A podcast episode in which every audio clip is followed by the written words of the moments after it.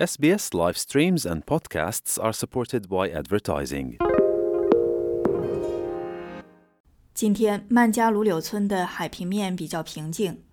然而，曼加鲁柳村村长卡尔绍表示，去年瓦努阿图遭到三次飓风袭击之后，水位比以往任何时候都高，达到了山坡上大约两百米村庄用于聚会的一个小屋那里。我已经告诉社区的人们，现在气候正在变化，所以我们必须努力保护自己。所以大家不要在海边建造房屋。对瓦努阿图的几代人来说，海洋一直是一个丰富的食物来源。然而现在，退休渔民詹姆斯说，这里的人们整天都在海上试图捕捉到鱼。当我们还在岛上的时候，像我手上的这条鱼，他们拿着矛和剑来到这里捕这种鱼，但现在变得非常困难。你必须要到深水区去找这种鱼，这些鱼没有以前那么大了。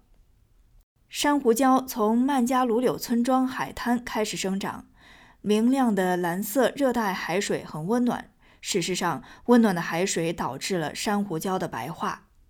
飓风也摧毁了珊瑚。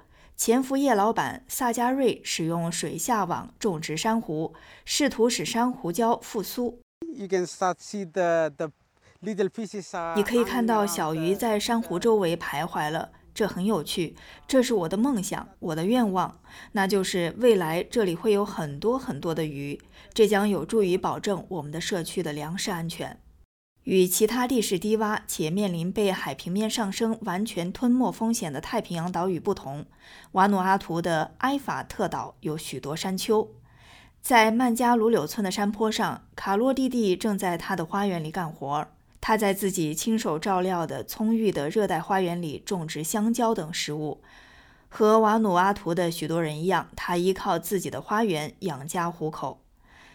但今年由于大雨，他花园里种的给孩子们吃的山药长得太小了。I think too much rain 我觉得雨水太多了，山药长得不好，地很湿，山药长得小到了这样的程度。随着瓦努阿图普通民众的日常生活变得越来越困难，气候变化部长雷根瓦努正在寻求问责。瓦努阿图正在带头推动国际法庭考虑各国有哪些义务来减少碳排放，并对瓦努阿图等受到气候变化损害的岛国进行赔偿。我们都知道，我们已经错过了一点五度的目标。这个目标是各国在巴黎协议中同意实现的。我们知道，我们没有达到我们都承诺的资金支持目标。所以，如果我们签署协议却不按照我们所说的去做，那么根据国际法会有什么后果呢？瓦努阿图预计国际法庭将于2025年发表关于气候变化的咨询意见。墨尔本大学教授皮尔是国际气候变化法专家，他说。这是一个非常重要的案件，这是第一次真正由一个国际法庭、一个世界法庭来考虑气候变化问题，以及考虑各国解决温室气体排放及其对小岛屿国家和周围社区造成损害的责任。皮尔教授表示，国际法庭就这一案件将不会发布具有约束力的裁决，迫使澳大利亚等特定国家对温室气体排放承担责任。但是，国际法庭的咨询意见将会影响到世界各地的气候变化案例，其中也包括澳大利亚。瓦努阿图气候变化部长雷根瓦努希望瓦努阿图能够对商业公司采取法律行动。Depending on what action we see. 我们瓦努阿图可能会选择在法庭上起诉一些大型化石燃料公司，比如在瓦努阿图最高法院提出诉讼。雷根瓦努表示，他追求气候正义，不过这一切要取决于国际法庭的咨询意见。